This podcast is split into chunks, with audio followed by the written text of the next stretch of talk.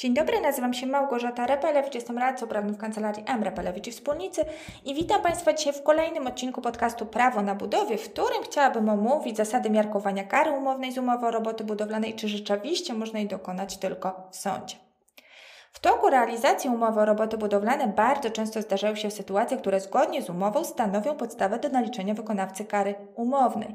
I zadziwiająco często okazuje się, że zarówno wykonawca, jak i zamawiający nie do końca są świadomi tego, jakie są prawne uwarunkowania naliczania, dochodzenia czy rezygnacji z kar umownych.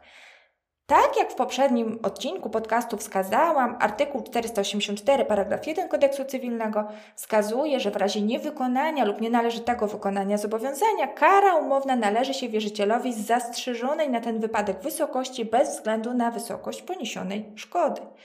Katalog sytuacji, za które można przewidzieć karę umowną jest bardzo szeroki, a w praktyce umów o roboty budowlane najczęściej spotykane kary umowne to kary za niedotrzymanie terminu końcowego bądź terminów pośrednich, czyli tzw. Tak kamieni milowych, za odstąpienie od umowy z przyczyn obciążających daną stronę, czy za nieuzyskanie jakiegoś oczekiwanego parametru lub zaistnienia jakiejś nagannej sytuacji. Zgodnie z artykułem 484 paragraf 2 natomiast, jeżeli zobowiązanie zostało w znacznej części wykonane, dłużnik może żądać zmniejszenia kary umownej umownej i to samo dotyczy wypadku, gdy kara umowna jest rażąco wygórowana.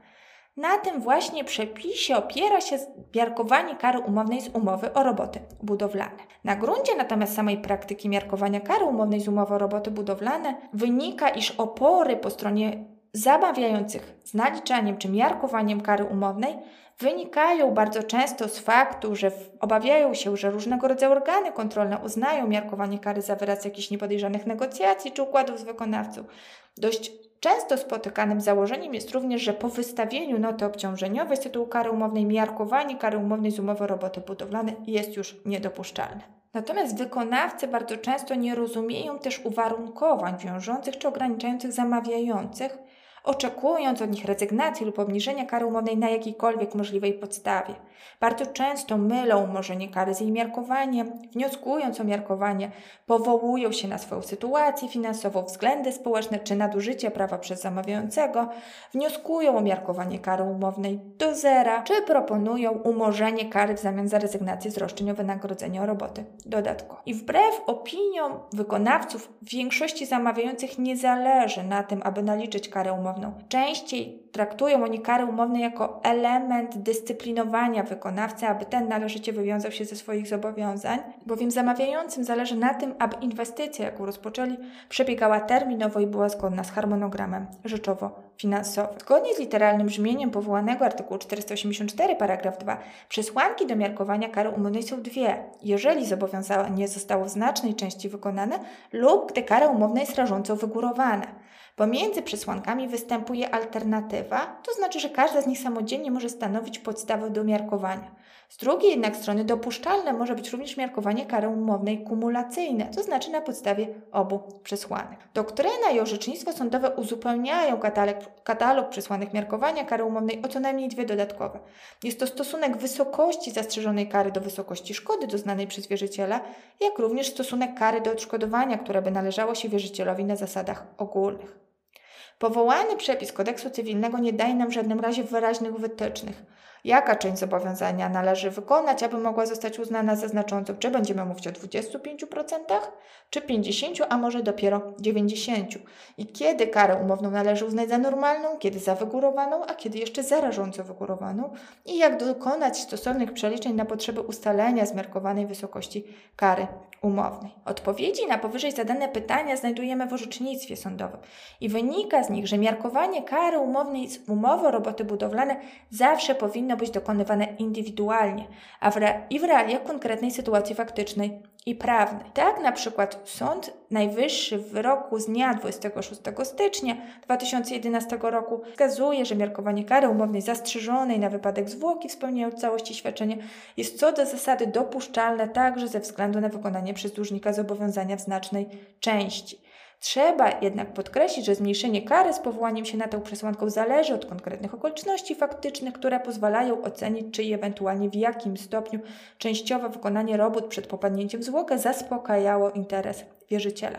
Bez względu na to, czy Za zasadnicze kryterium oceny rażącego wygórowania kary umownej przyjmuje się wysokość szkody czy wysokość odszkodowania, które należałoby się wierzycielowi na zasadach ogólnych. Sąd zastosował artykuł 484 paragraf 2. Powinien rozważyć okoliczności danego wypadku. Nie można ograniczyć się jedynie do porównania wysokości zastrzeżonych stawek procentowych kar umownych do stawek stosowanych przy zastrzeganiu takich kar w obrocie. Natomiast wyrok Sądu Najwyższego z dnia 2013 roku mówi o tym, że w sprawie o zapłatę kary umownej zastrzeżonej na wypadek uchybienia terminowi spełnienia świadczenia ocena, czy kara ta nie jest nadmiernie wygórowana, powinna uwzględniać wysokość kary umownej zastrzeżonej w tej umowie na wypadek odstąpienia. Dalej Sąd Najwyższy w wyroku z dnia 15 września 1999 roku wskazuje, że zmniejszenie kary umownej w trybie właśnie artykułu 484 paragraf 2 następuje na wniosek dłużnika. Oznacza to, że występując z takim żądaniem winien on wykazać przesłanki uzasadniające miarkowanie kary umownej, ale bowiem z faktu ich zaistnienia dłużnik, a nie wierzyciel wyciąga dla siebie korzystne skutki. Dopuszczalność miarkowania kary umownej z powodu wykonania przez dłużnika zobowiązania w znacznej części jest ograniczona. Z natury rzeczy nie wchodzi ono w grę, gdy dłużnik zobowiązany jest do świadczenia niepodzielnego. W innych wypadkach generalnie wskazane jest miarkowanie kary umownej z dużą ostrożnością z tego powodu, że dłużnik wykonał zobowiązanie w znacznej części, ponieważ kara umowna zastępuje odszkodowanie, a nie spełnienie świadczenia. Miarkowanie zatem kary umownej jest wyjątkiem od zasady, że w razie wyrządzenia szkody podmiotowi uprawnionemu do żądania kary umownej przysługuje ona w ustalonej wysokości bez względu na wysokość poniesionej szkody. Kara umowna jednak nie może pod żadnym pozorem powodować wzbogacenia strony umowy, która jej dochodzi. Podsumowując zatem, miarkowanie kary umownej ma na celu przeciwdziałanie dużym dysproporcjom między jej wysokością a potrzebą ochrony podmiotu żądającego jej zapłaty. Zmniejszenie kary umownej dokonuje sąd na żądanie zobowiązanego do jej zapłaty, nie może tego uczynić samodzielnie. Kara umowna może zostać zmniejszona, jeżeli zobowiązanie zostało wykonane w znacznej części i podlega to indywidualnej ocenie w odniesieniu do konkretnej sprawy. Zatem dla miarkowania kary umownej podstawowe jest ustalenie stopnia wykonania zobowiązania, bowiem nie każde częściowe wykonanie zobowiązania uzasadnia zmniejszenie kary umownej, a wyłącznie tylko takie, które jest znaczne. Przez wykonanie zobowiązania w znacznej części należy rozumieć taki stan, w którym w znacznym zakresie został zaspokojony interes osoby, która może żądać spełnienia świadczenia od innej osoby. Tak jak wcześniej wskazałam, pojęcie w znacznej części jest niedookreślone i tutaj znowu konieczne będzie dokonanie interpretacji przez sąd, czy doszło do wykonania zobowiązania w znacznej części i czy powinna zastosować zasadę miarkowania kary umownej. Tak jak już wcześniej też wskazałam, z orzecznictwa wynika, że miarkowanie kary umownej na tej podstawie jest niedopuszczalne w przypadku świadczenia jednorazowego i niepodzielnego, to jest takiego, które nie może być spełnione częściowo bez istotnej zmiany przedmiotu lub wartości. Ważne jest także, aby omówić, czy mówić o wykonaniu zobowiązania w znacznej części, musi zostać ono w tej części przyjęte przez osobę żądającą jego spełnienia. Odmowa przyjęcia nieprawidłowo zaoferowanego świadczenia oznacza, że nie doszło nawet do częściowego wykonania zobowiązania, co wyklucza powołanie się na przesłankę zmniejszenia kary umownej. Zmniejszenie kary umownej może również nastąpić, gdy jest ono rażąco wygórowane i ponownie jest to pojęcie niedookreślone, zależy od konkretnego przypadku i przyjmuje się, że wiąże się ono z ewidentną niewspółmiernością czy nieadekwatnością wysokości kary umownej do tej, która powinna być należna w danej sytuacji. I znowu to, czy kara jest rażąco wygórowana, powinno badać się w odniesieniu do wartości umowy, wartości poniesionej szkody, stopnia winy osoby zobowiązanej do spełnienia świadczenia czy powtarzalności naruszeń.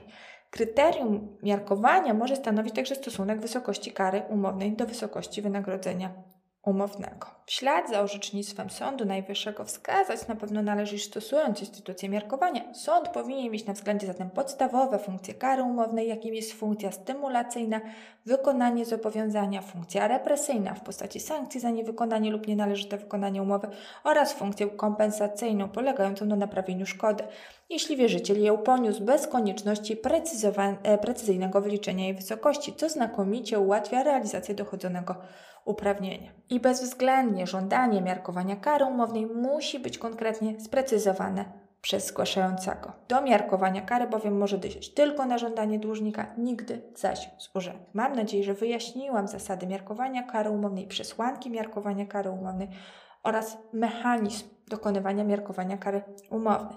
W razie pytań serdecznie zapraszam, życzę miłego popołudnia i do usłyszenia.